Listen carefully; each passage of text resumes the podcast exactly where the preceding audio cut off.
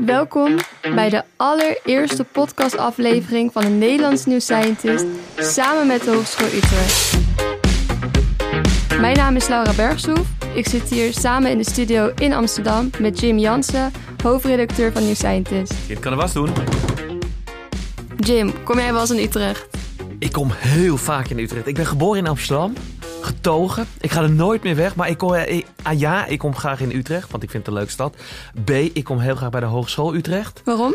Nou, eh, eh, enerzijds 30 jaar geleden studeerde ik. Ik deed het in Amsterdam, maar heel veel vrienden deden dat bij de Hogeschool Utrecht. Vond ik een leuke hogeschool.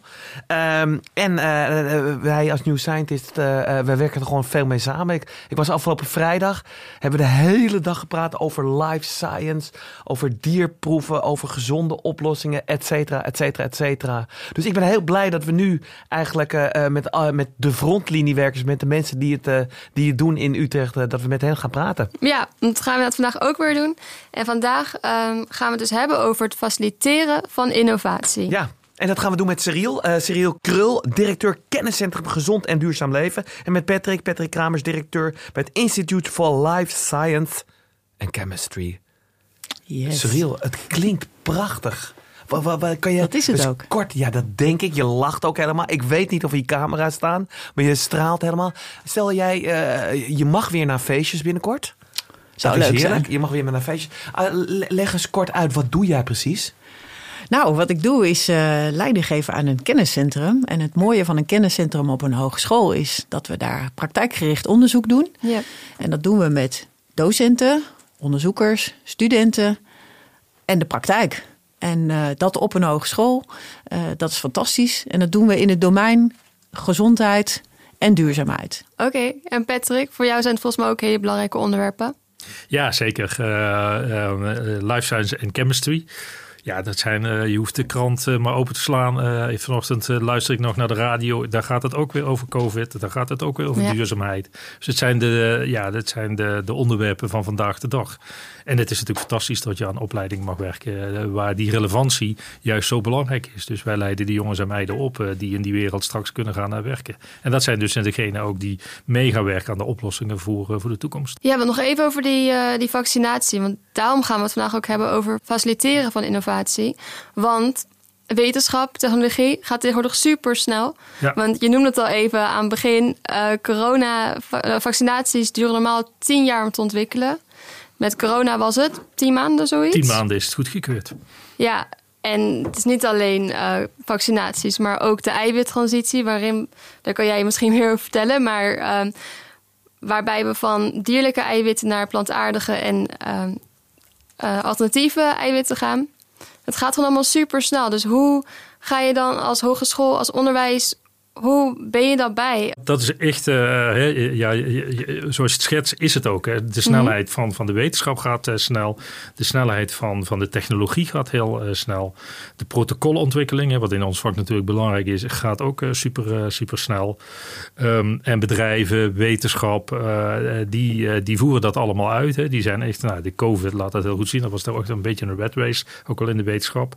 En ons de opgave om als hogeschool met die snelheid mee, mee te gaan. En dat is natuurlijk super fraai als je dat mag, eh, mag eh, doen. Kijk, Ja, die snelheid zullen we nooit bereiken. En Dat is denk ik ook een illusie om te doen, want je bent een onderwijsinstelling hè, die vijf jaar een goed programma moet eh, maken of vier jaar.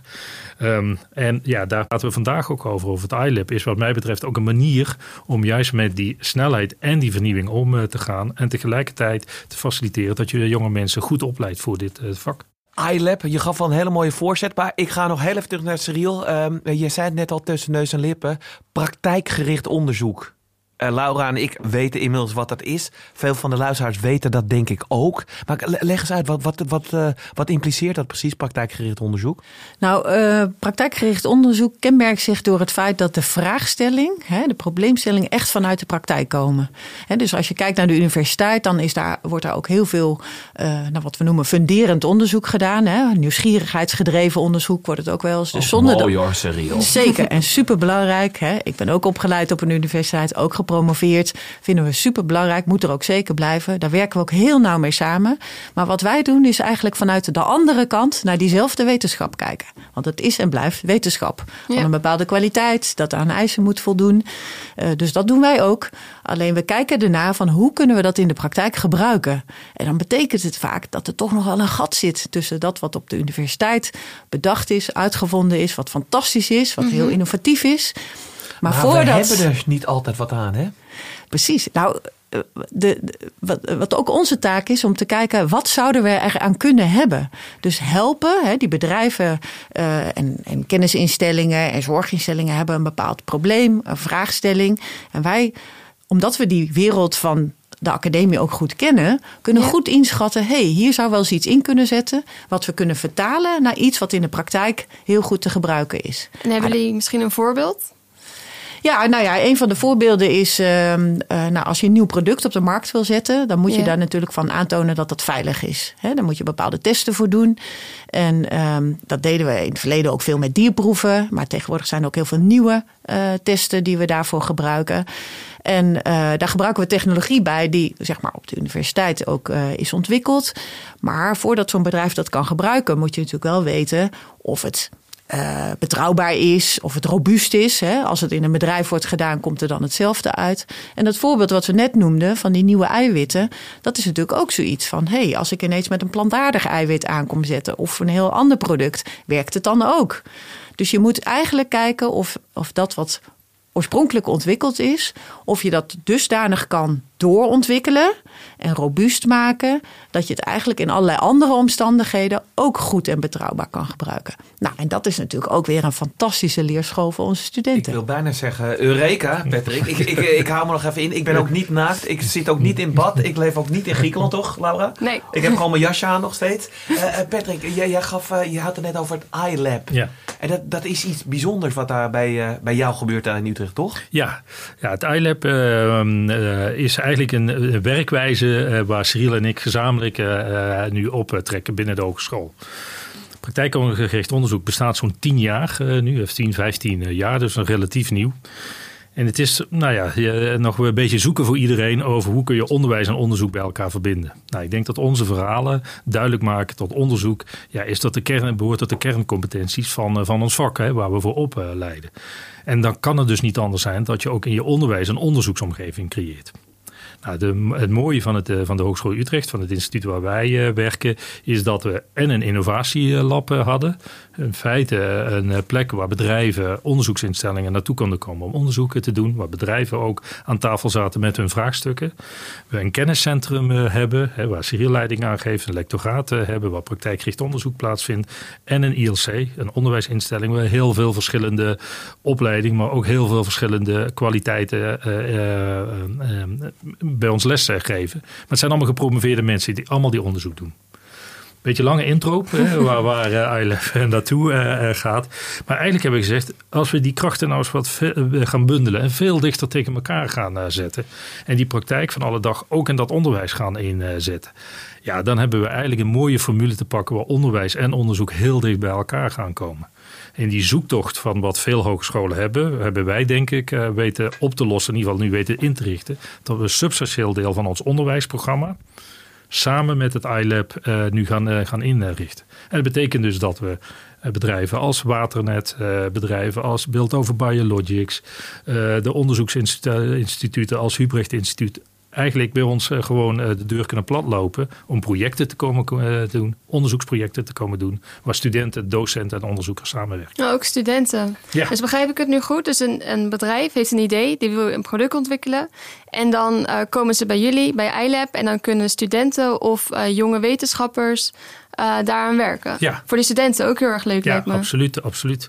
En het mooie is dat het niet alleen maar is van, van buiten naar binnen. Maar natuurlijk hebben we ook uh, genoeg docenten en ook studenten die zeggen: Goh, ik heb contact met dat bedrijf. Of Goh, ik heb stage gelopen daar. Zouden we dit onderzoek weer een stap verder kunnen brengen? En dat ja, noemen we dan een beetje een living lab. Uh, weer een nieuw woord: iLab, living lab. Patrick, echt, ik lig onder de tafel. maar vergeef me even die, die verschillende. Maar dus die iLab werkwijze is juist dat je eigenlijk die de beroepspraktijk en onderwijs bij elkaar Ja, brengt. hey Cyril, het, het Ja. klinkt echt fantastisch. Maar werkt het ook? Nou, wat, wat ik eh, zelf fascinerend vind, is dat juist al die verschillende partijen die je noemt, hè, zo enthousiast zijn over het samenwerken in zo'n hogeschool, maar ook met een hele nou ja, community die daaromheen zit, hè, die daar ook bij betrokken is. En daar ontstaat een energie eh, die heel eh, inspirerend is. Hè. En dat komt omdat we veel werken met, eh, met jonge startende bedrijven, die, die nou, soms in hun eentje of pas met een paar man zijn. En dus heel gedreven zijn en die studenten ook meenemen in het nieuwste van het nieuwste. En tegelijkertijd hebben wij ook de contacten met nou ja, de grote bestaande corporate organisaties, die, die ze ook challengen en uitdagen. En zeggen van ja, het is leuk bedacht, maar heb je hier en hier ook aan gedacht? En dan, dat is natuurlijk een extra trigger hè, om eh, nog harder te gaan werken en nog innovatiever eh, te zijn. En het leuke is, eh, nou ja, over of het succesvol is. Ehm, nou ja, we zitten op de eerste verdieping, ergens in een gang. En toen wij naar het nieuwe gebouw gingen, kregen we echt heel veel ruimte erbij. Dus wij waren echt super blij. Maar de afgelopen tijd hebben we ook gezien dat we aardig vol zitten. Dus we hebben heel veel eh, eh, bedrijven, partners die, eh, nou, sommigen zi- zitten bijna elke dag bij ons, anderen komen één keer in de zoveel tijd. Maar er is dus veel aanloop, er is ook veel reuring. En dat maakt die dynamiek, zorgt ervoor dat en onze onderzoekers van het lectoraat natuurlijk heel enthousiast zijn, eh, die docenten en die studenten. Ja, en die bedrijven die lopen daar de hele tijd eh, doorheen. Nou, hoe fantastisch is dat? Klinkt alsof jullie allemaal heel nauw samenwerken. Staan jullie zelf ook nog wel eens in het lab? Eh, nee, helaas. Ik vertelde. Patrick, jij, ja, toch wel? Nee, nee ik, heb, ik heb een onderwijskundige achtergrond. Dus ik zit ook echt in een nieuwe wereld. En dat is, maakt het ook erg boeiend. En om het ook echt te realiseren. En kijk, het klinkt allemaal heel eh, logisch. Hè, dat je juist binnen hogeschool samenwerkt met de beroepspraktijk. We hadden het net al over die drie snelheden. Dat is natuurlijk wel toch de opgave die wij hebben om dat te organiseren. Dat maakt het ook complex. Hè, de, de, de logica tot je samenwerkt, ja, daar is iedereen wel van overtuigd. Maar Maar gaat. Patrick, ik wil een vaccin. En Ja. jij moet dat maken. Want dat, dat zei de wereld anderhalf jaar geleden. Ja. Waar blijft dat vaccin? En is het vrijdag? Ja. En dan moet jij maar eh, met, de- met al die lectoren en al die mensen Ja, dat precies, even gaan regelen. precies. Nou ja, eigenlijk een, dat is een mooi voorbeeld wat je noemde. Want ik was geloof ik drie maanden in, eh, in dienst. En toen zei ik, goh, maar als morgen nou eh, hier iemand komt en zegt... kunnen jullie helpen eh, mee te ontwikkelen? Kunnen we dat dan? Nou, toen zei iedereen ja, op zichzelf wel. Toen zijn we het gaan Maar- organiseren. Toen zijn we het gaan organiseren. Maar toen bleek toch best wel ingewikkeld. Want de, de, de, het Utrechts Medisch Centrum was heel enthousiast aanvankelijk. Maar vervolgens moet je het gaan doen. En dat betekent dat je studenten moet gaan begeleiden. En dat betekent ook dat er soms dingen mislukken. Of dat En dingen niet, Bu- eh, niet buiten passen. de gebaande paden. Ja, ja. Nee, ik zeg, Dat vinden mensen niet leuk. Nee. Mensen willen eigenlijk... nou, mensen Ja, vinden ja, het wel leuk. Maar dat is je- juist de opgave. Dat, Ja, dat is juist de leuke opgave. Want die stage die was natuurlijk net even niet gepland in die periode. En nou, dan moet je toch je onderwijs weer even wat aanpassen. Hey, als ik naar jullie instituut kijk, dan zie ik twee gezondheid en duurzaam. Dat vind ik heel erg termen van 2022, ook al wat eerder, misschien ook al wat later. Maar, maar- maar, leggen ze uit, waarom, eh, waarom is die gezondheid zo belangrijk?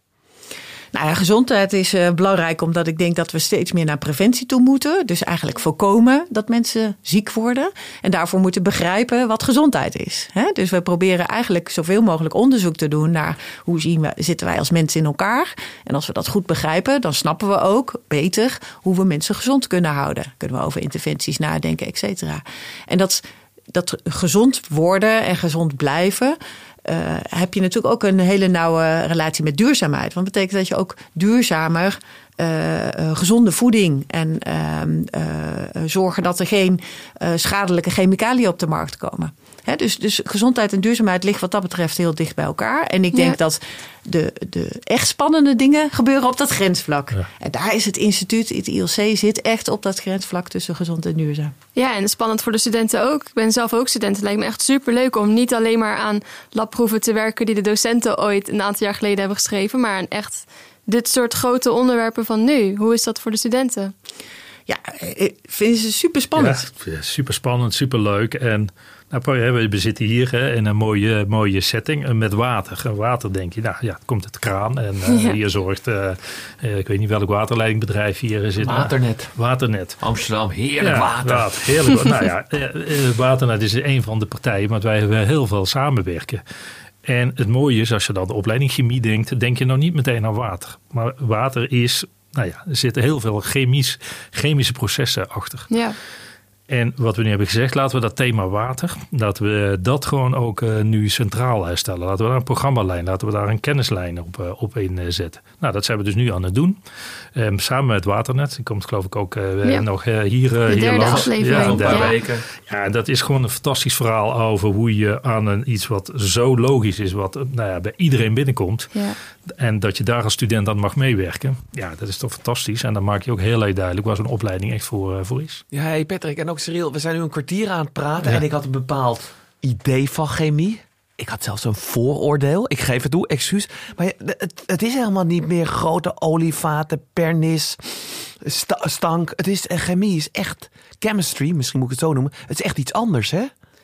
Nou ja, die, die vernieuwing, dat is inderdaad wel het klassieke beeld wat er is. Hè? De grote Sorry chem daarvoor, hè. Sorry. chemische Ja. industrie. En uh, nou, ook een beetje, hmm, wil je daar wel werken? Uh, maar dat is enorm aan het veranderen. En die grote industrie, die heeft natuurlijk een enorme opgave. Maar tegelijkertijd zie je allemaal kleine uh, bedrijfjes die veel meer start-up, die bijvoorbeeld op. Uh, we doen ook een, fantastisch project met een bedrijfje dat een biovergister Ja. maakt. Hè? Dus, dus die Wat probeert. is dat? Sorry. Nou, dat je probeert van je, van je biologische afval, hè, gewoon in huis, hè, je groenteafval, eh, fruitafval, om daar een soort eh, fermentor van te maken in je eigen huis. Zodat je, nou ja, eh, eh, en je, je- Ik zie Laura al knikken. Laura woont in een studentenkamer in Utrecht. Ga je dat ook doen, Laura? Nou, als het kan. Ja, ja, dat is, dat is, nee, het kan dus nu op grotere schaal, hè, op hele grote schaal. En, en die mooie vraag eh, die er dus ook ligt, ook aan die studenten, is: kunnen we dat kleiner maken? Hè? Zodat je uiteindelijk in de keuken van jouw studentenkamer of in je studentenhuis eh, een fermentor neer kan zetten. En dat je dat ook meteen weer kan gebruiken. Ik hoor het graag wanneer het kan. Ja. Lijkt me super cool. Eh, Patrick, we lopen al heel langzaam eh, naar het einde van de uitzending. Maar nog eh, eh, wat Cyril zei. Gaan wij uiteindelijk, we leven nu in 2022, 2030, 2040. Gaan we naar een volledig circulaire samenleving? ik zie Cyril knikken, maar het is radio. Het is een podcast, dus dat zien de mensen die Cyril knikken. En wat zegt Patrick? Ja, dat denk ik wel. Kijk, dat, dat is ook de opgave die, eh, die, eh, die je moet hebben, ook als onderwijsinstelling, om mensen dat te doen. Hè? Want als je zegt 2030, nou, dat zijn de, Dat is best de jongens. snel, hoor. de- ja, dat is In best acht jaar. snel. Maar dat zijn de jongens en meiden die nu eh, aan de opleiding beginnen. En die dus over vijf jaar naar de arbeidsmarkt gaan. En naar die onderzoeksinstelling gaan. En naar die bedrijven gaan. Dus ja, daar moeten wij ze ze wel voor, eh, voor klaarstomen om dat te kunnen doen. En gaat dat En lukken, Cyril? Ja? Nou ja, het begint met ze de mindset mee te geven. Hè? Dat, we- dat, we- dat we nou ja, de en alle materialen die zijn in, in bruikleen hebben. Hè? Dus, dus dat, dat, is, dat is echt een andere mindset. En natuurlijk kunnen we niet meteen eh, alles circulair krijgen. En zullen er nog echt wel eh, nou ja, flinke uitdagingen zijn. Maar daar waar het al wel kan, kan je al mee beginnen. En daarvan kan je leren voor andere trajecten. Ehm, en ik denk wel dat eh, nou ja, nu in de opleidingen, en dat doen we niet alleen bij het ILC, maar ook bij de andere opleidingen. en eigenlijk bij alle opleidingen, ook bij social work, eh, de opleiding waar je het niet verwacht, proberen we dat tussen de oren te krijgen. En ik denk als we mensen met die mindset in de maatschappij zetten, hè, op de arbeidsmarkt zetten, Ja. ja. dan gaat er iets veranderen. En eh, die mindset, die kun je ook juist als onderwijsinstelling heel mooi organiseren. Ja. Eh, hoe tof is het dat je met bedrijven als Waternet, eh, et cetera, kan, eh, kan werken. Ehm, dus het is ook eigenlijk een fantastische opgave dat je samen met die bedrijven kan kijken hoe je dat gaat invullen. Dus het is niet meer, we krijgen een vraag en wij lossen het op. Nee, je gaat samen kijken hoe je het, eh, hoe je het kan, kan inrichten. Ja, dat is voor een onderwijskundige als ik echt interessant. Lijkt me een mooie boodschap om mee Ja. af te sluiten. Hey Laura, ja, ik, ik heb echt dus 30 jaar geleden zat ik op de Hogeschool van Amsterdam.